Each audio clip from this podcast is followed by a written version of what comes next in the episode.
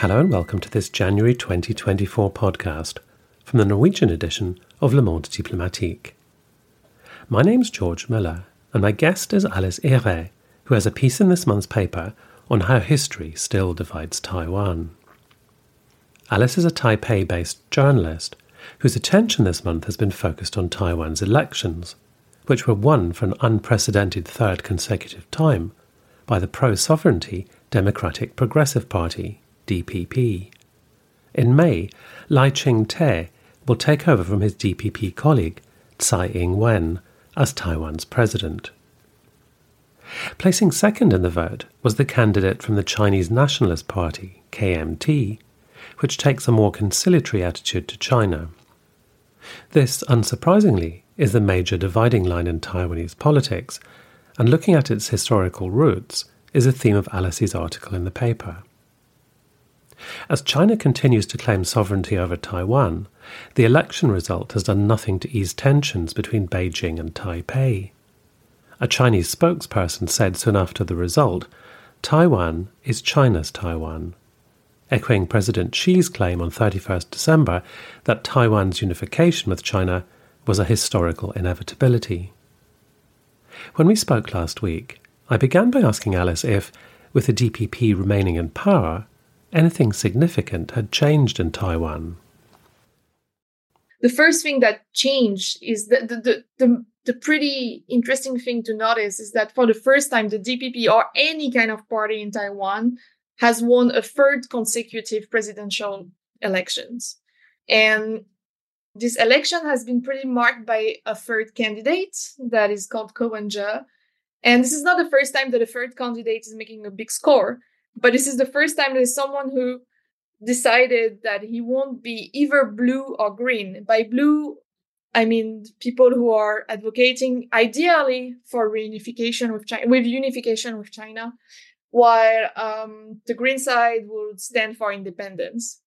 But we see that um, so Lai received just over 40% of the vote, which is not as good as Tsai Ing-wen did back in uh, 2016 and his principal opponent Hou Yu-ih was like he had 33.49% of the votes while Ko Wen-je, the third candidate um, who who was not any part of any um, stance toward China uh, I mean he had a stance that was not at least that changed a little bit from the KMT and the DPP uh, division uh, did 26 for 45 percent and had a lot of young people's vote.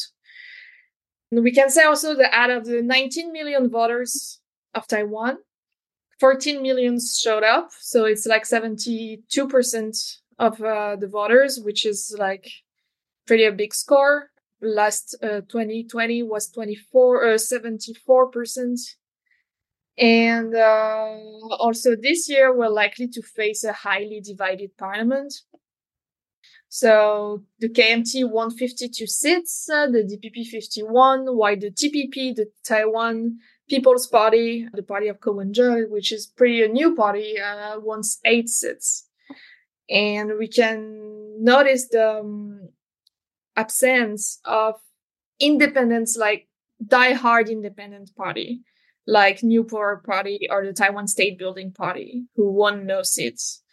Uh, I think there's many reasons. The Taiwan State Building Party might seen as a very radical, quiet, ethno-nationalist, Taiwanese ethno-nationalist uh, party. They're also pretty, pretty young, so maybe doesn't inspire confidence among voters. And uh, the New Power Party, a lot of the main figures uh, changed, uh, joined the DPP which means also that to my mind I, I don't know if i'm right but it means that also it that very, very pro independence people are joining the DPP, which the DPP means that the DPP is like more comfortable with showing uh, its will for independence. So facing this highly divided parliament, I think what, uh, Lai Ching-te, William Lai, might have troubles to pass some some some bills uh, we can think about military spending. We can think about uh, the numerous challenges that Taiwan is facing, like we have elderly, elderly care energy policy, and of course, policy toward China. But optimi- I'm an optimistic person, and as an optimistic person, I would say that uh, having a divided parliament will force the legislators to find common ground. And it could lead to a positive outcome, a better understanding between factions. And I think this is very important in Taiwan. And then relating to the piece I wrote for the Monde Diplomatique, I think this is this is a big big issue in Taiwan that actually people don't really talk to each other. They don't share their views, how they see the past and how they see the nation. So they might be very vocal in politics, but among families, among friends, my point of view as an observer and as someone who has Taiwanese friends, this is like I realize that most people who believe who have the same belief, they just tend to stand together, and people who don't agree with each other uh, don't tend to debate. They don't tend to argue because conflict is also something culturally that is hard to accept which is, is not like this is quite different from france right? Because in france we love like debating uh, we love arguing we love having fights uh, and sharing our political views. Why in taiwan it's more like it's more it's less well seen culturally. So you have to as a journalist i guess be able to read between the lines. That if there are things which people are not saying aloud, you have to kind of know what they're saying but behind their actual words. There's there's there are things which go unspoken, but um, nonetheless are, are significant yes, to them. Yes, uh, this is true. But I think uh, I, what I noticed, I, I went to rallies. I went to the KMT rallies. I went to the DPP rallies. I went to the TPP rallies and all of them like are those people i'm sure my candidate is going to be elected because like you live in a cycle and then you tend to get close to people who think like you and then you imagine that everybody thinks like you. And then the, the result can be a surprise. We've all we can all think of examples of that in in in western electric uh, western electoral um, recent history. So yes it's uh, it's not a uniquely taiwanese phenomenon. It's not a uniquely taiwanese phenomenon. Yeah, I might repeat myself, but in Taiwan, there's also a tendency to avoid conflict and to not talk about political stance, at least not to talk about how you see China and how you perceive Chinese culture. So, we in the West tend to see Taiwanese politics mainly through the lens of the relationship to China. I mean, I guess for obvious geopolitical reasons. But I wondered, you've been going to rallies, you've been talking to people, you've got Taiwanese friends, you're very much in tune with what's happening in, in Taiwanese society. What were some of the things which were motivating people's vote? Was it it was about more than simply the relationship with China? Clearly that's important, but what were what were the things that, that people felt strongly about that that played into this election? Yeah, so there's often complaints in Taiwan about um, the fact that the debate is only related to the relationship with China, and then that the questions uh, of the domestic questions that relate only to Taiwan are, are seen as secondary.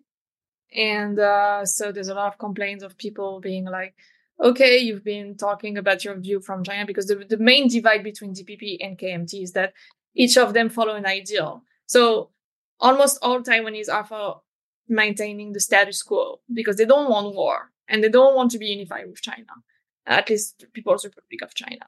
So, so the main divide in Taiwanese politics Green side wants to follow the ideal of independence while maintaining the status quo, status quo, while uh, the KMT wants to think about unification in a very, very far future while maintaining the status quo. But there's also many issues that that we might think about. Uh, there's a lot of livelihood issues that has taken a little bit of space, like in these elections. Uh, we can perceive a, kind of malaise among young people. The housing is unaffordable. Uh, they have very low pay. They work tremendous hours. There's a problem with uh, what do migrants, for example, there's a need for el- elderly care Uh, there's a need because it's an aging population. It's a population that doesn't have children. The, the birth rate is really, really low. And uh, these are problems that actually worries the Taiwanese people. And that's also the reason why the um, Wen-je has made a good score is also because he was focusing on these issues and he was he was trying to get out of the two main party divide um, and to focus on uh, corruption, focus on uh, the problem of housing, the problem of uh, the rent, the, the low salaries, uh, to, to give people, to give young people more power. But we can't deny that the China question is still predominant. And I think during the local elections that happens every four years too, like in, uh, but the last one was in 2022. The, the last local elections, like we, they we focus more on, on local issues because they would be electing mayors, mayors, they would be electing local councillors.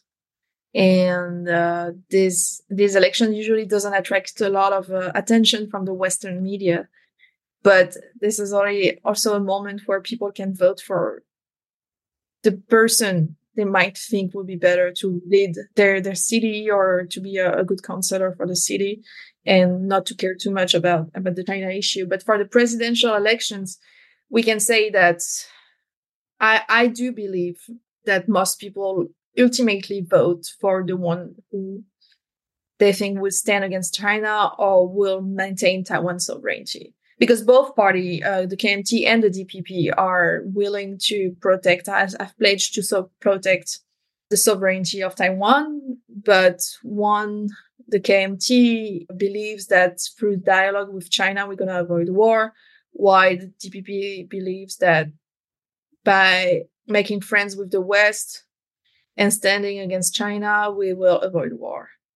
And uh, people are pretty concerned because there's a there's a new uh, foreign policy piece, and they've made a, a very good um, uh, survey, and we see that 60% of people in Taiwan are concerned by an invasion by China, and 60% are not confident that the U.S. will defend Taiwan. So there, there's a major concern. They have a question like, how concerned are you about China starting a war with Taiwan? And there's only 10% like almost 11% that are not at all concerned. So it means that the other part of the population is at least slightly concerned about about a war with China.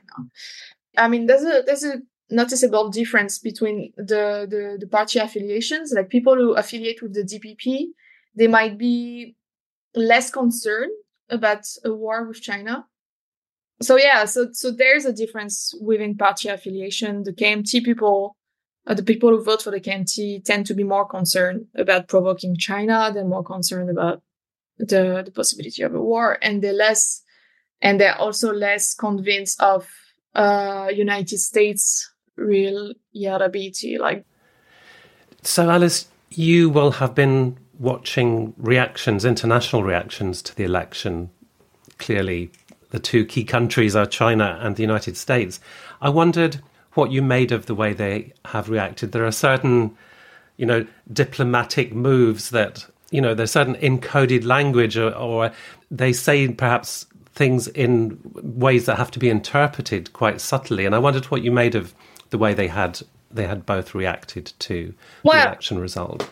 Well, it's it's not that subtle because um I mean, yeah, there, there's, there's, of course subtle uh, reaction, but there's, there's also not, not subtle reactions. Warplanes, yes. yeah, exactly. So, so what I'm what I'm saying is that basically, Lai Lai Ching-te has been elected, and the first thing we were, and then as Beijing see the DPP as a separatist party, that this is how they, they frame it. The first thing we were expecting was a reaction from China, but I mean, China was way more moderated than we could have think. Uh, because like, okay, we had a launch air and sea patrol, but it has been relatively quiet. It has been nothing compared to Pelosi's visits back in 2022. So Thursday morning, we see that the Ministry of Defense in Taiwan uh, reported 24 planes, five Navy vessels in the Taiwan Straits, and I think five of them passed the air uh, defense identification zone of Taiwan. And it's the most significant number since November. We can also mention that the state of Nauru changes, uh, so switch its recognition from the Republic of China to the Republic, the People's Republic of China. And uh, this is the 10th ally to flip side in eight years uh, since Tsai Ing-wen of the DPP has been elected in 2016. But overall, I'm gonna go back to it later, but I think that the main reaction uh, of China is to come, and I think it's will be when when uh, what William Lai is gonna be inaugurated. And that's in May. Yes, that's in May and uh, and on the U.S. side, uh, we so there's a there was a statement, congratulations from Antony Blinken, the Secretary of State, who congratulate William Lai for his victory. Uh, the U.S. is sending many delegations to Taiwan right now. Um, they are not officials; they are like mostly retired uh, or like politicians. I mean, former politicians in in uh, in office. So this is not uh, this is not an official visit uh, that would likely be likely to anger China. But still, there's a lot of delegations from the U.S. coming uh, to Taiwan right now. We we notice also a few, uh, for example, the president of Philippines. I mean, there's a number of presidents from many countries that congratulated the, the, the new president of Taiwan uh, and uh, the Chinese with the Chinese embassy responding, saying that it's not this is not a thing that being angry, uh, releasing communiques. It happened in France. I mean, we have a very very uh, vocal uh, ambassador in France. Um, the ambassador of China is very is one of the Wolf Warrior, and he's famous for his shock declarations toward Taiwan. I was saying before we began recording today that what I really liked about your piece in, in this month's edition of Le Monde Diplomatique was that you you found a really interesting way to open up the history because the history of Taiwan is so important to understanding its present and its future. You decided to open the piece by focusing on a statue, and we know we know how much emotion and and feeling um, can be bound up in statues all over the world. And you chose to focus on the statue of, of Chiang Kai shek in central Taipei in very grand memorial building and, and museum. And I wondered if you could say something about the statue and the man it represents, and also why it's so important to sort of understand him and the statue's symbolic significance in Taiwan's present. Yeah, so to, to give a little bit of context, this statue, um, the statue of Chiang Kai-shek is this memorial is in the center of Taipei, just right next to the presidential building, right next to all the official administrative buildings. So it's right in the center of politics in Taiwan. And so we have this big memorial that is huge and with the big statue of Chiang Kai-shek guarded by soldiers 24 hours and um, with a big, big police presence just to, to protect the statue. I was not planning to talk about this, but it comes to it comes to my mind right now that a few years ago there was this policy for transitional justice where where the government, the Taiwanese government, pledged to erase the symbols of the authoritarian past. So what they did is that they took out many, many Chiang Kai-shek statues because we had this Chiang Kai-shek statues in every school, in every official buildings. So it had they, they they took it out, they took them out, and they put all of them in uh, a park in uh, the in New Taipei City. It's it's very close to Taipei, but it's pretty remote still. So it's really hard to access. It's not some some place you access by by metro. But there's this big part where you see all the Chiang Kai-shek statues that are not far from his tomb. And people go to visit them. It's very interesting. And it was also when William Lai, the new president, was a mayor of Tainan, the city in the south, which is very DPP, very green uh, leaning. And so in Tainan, you can never barely see a statue of Chiang Kai-shek anywhere. Uh, but still, this the biggest the biggest statue hasn't been removed, and the transitional justice process is supposed to be over. At least the, the, the committee is over, and so a lot of people are just protesting because they want to dismantle the statues. But I think there's a big issue because the statues doesn't only symbolize the authoritarian past, because Chiang Kai-shek is not only a dictator uh, I think the statues symbolize also the complexity of today's Republic of China, which is still Taiwan official name. And uh, for many, the, um, and mostly the older generation, and that's what I talk about in my article, is that the Chiang Kai-shek statues represents the victory over the Japanese during the, the World War II, during World War II. It represents the fight against communism uh, during civil war, and uh, it represents also someone, Chiang Kai-shek represents also someone who decided to maintain the Republic of China, at least in some territories of what we call China at the time. So Taiwan, Jinmen, Matsu, and Penghu. Uh, so for the record, Jinmen and Matsu always been part of China. I mean, always, at least since very ancient times. And so these territory are what is Republic of China right now. And a lot of people would argue there was if they if there was no Chiang Kai-shek, there wouldn't be Taiwan right now. Taiwan wouldn't be what it is right now. Nevertheless, the Republic of China in its beginning wanted also to bring democracy toward all China, but unfortunately, unfortunately this is not what Chiang Kai-shek brought in Taiwan. Uh, he brought an authoritarian regime, and he also is remembered as a dictator, as the initiator of the martial law, where a lot of people were imprisoned for no reason, or for being considered as a communist or or standing for Taiwan independence. And we can say that maybe this is his son, Jiang Jingguo, who led the con- who start start leading the country toward democracy. A lot of people wouldn't agree, but it's also a problem of narrative. Yeah, so so that's mostly what what would what the statue will symbolize. It will symbolize very, very different interpretation and depends on what you focus. But it's the most controversial statue in Taiwan. And as you were saying earlier about people perhaps being reticent about expressing their political p- opinions openly, you found that people were, were guarded in what they were willing to say to you on the record about their reaction to Chiang Kai shek statue and, and him as a figure for precisely that, that reason of not wanting to come out and, and say something too divisive or too critical or, or, or you know nail their political colours to the mast. So some some people you spoke to gave you their opinion, but they did it anonymously. Especially especially um, employees of the Chiang Kai-shek Memorial, employees of this park uh, where all the Chiang Kai-shek statues. Most of them are at admire or at least have a nuanced view on Chiang Kai-shek, but they don't want to say it out loud because also the big museums in Taiwan, so the Palace Museum or like the Chiang Kai-shek Memorial, the director is appointed by the government.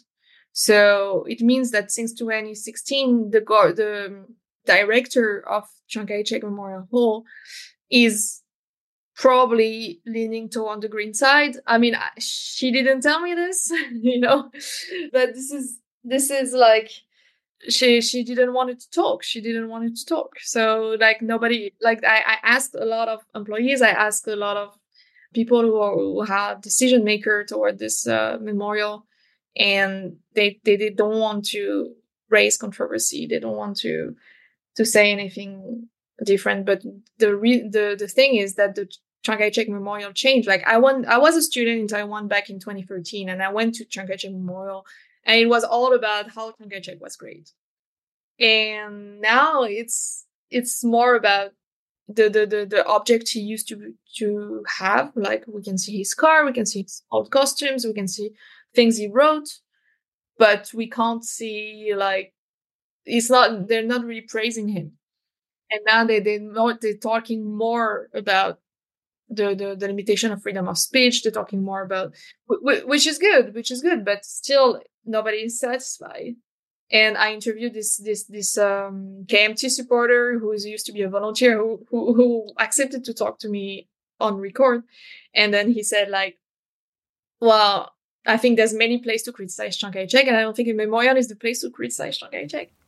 And you describe the the exhibition as actually physically shrinking. So it's you know that's a very clear indication about an evolution in how Taiwan is thinking about him, and it's also an indication that Taiwan is evolving and how it's thinking about its own history. He's kind of like a symbol of that history, and this is a manifestation of it.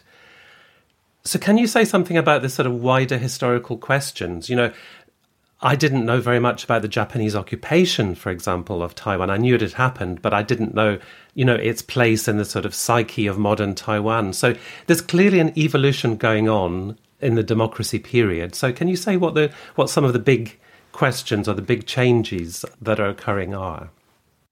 So basically, during martial law, the government controlled the narrative. So so so so there was a narrative they wanted to shape people's mind into retaking the mainland.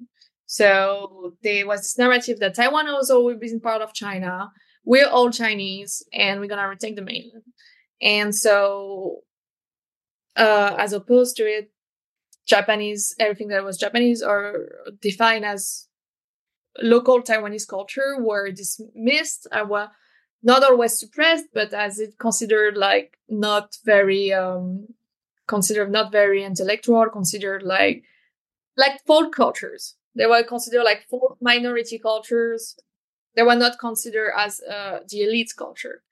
So since Taiwan democratization and also before the Taiwan democratization uh, with the, all the Taiwan independence dissidents, there was a counter narrative. And the counter narrative explains that Taiwan has never been part of China. And today, this is the main, the most popular uh, narratives. But if you if you think that Taiwan is part of China, you don't go to prison for that. But among young people, among young academics, I think you might be kind of rejected. Like you might be, uh, it might not be easy. And the truth is, is that I mean, the thing that I find is sad, but I think we have the same problem in any country. Is like the polarization. And there's there's this narrative, there's this counter narrative, and both of them are factually sometimes not true saying that Taiwan is not part of China, has never been part of China, is factually not true. Like uh, in 1945 to 1949, it was part of the Republic of China.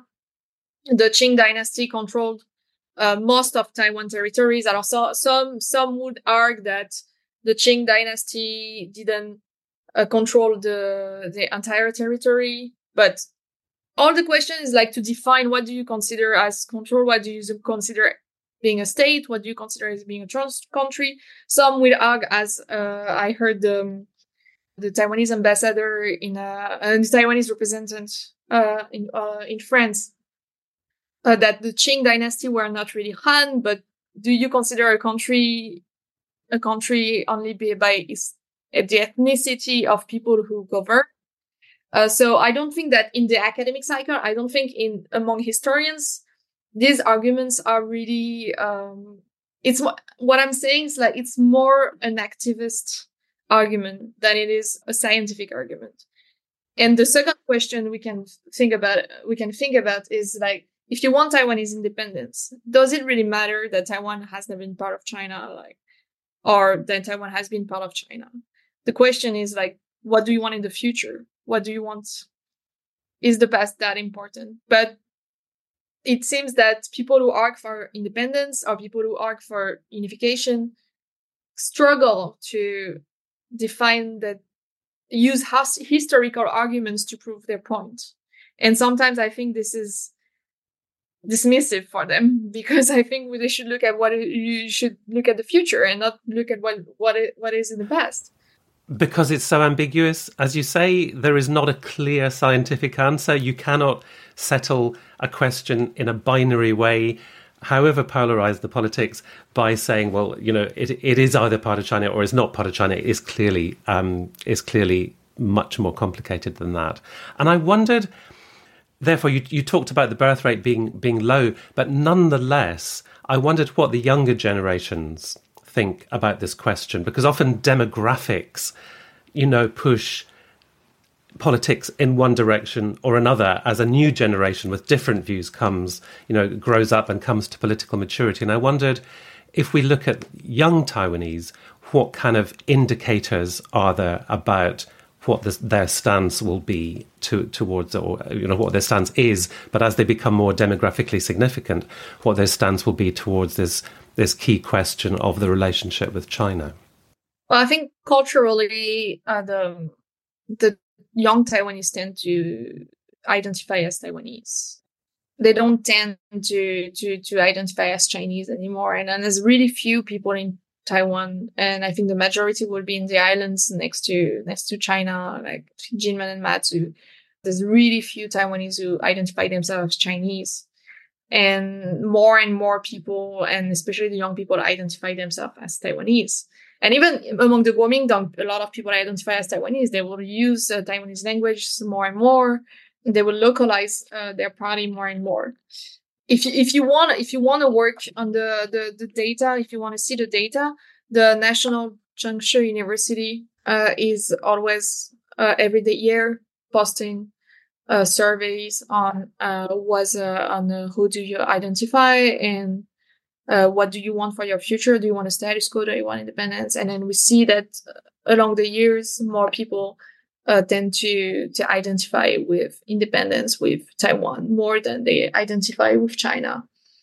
And this is uh, something that the that China tries tries to counter because, like for example, they were they were recently uh, after the election, I forgot which uh, Chinese official said that they will have to use TikTok, that will have to use social media to encourage the young people to feel more Chinese so it's not irreversible. I don't think it's irreversible, but I think uh, the Taiwanese narrative uh, is way more convincing for the young people. So tick, TikTok is part of the part of the answer.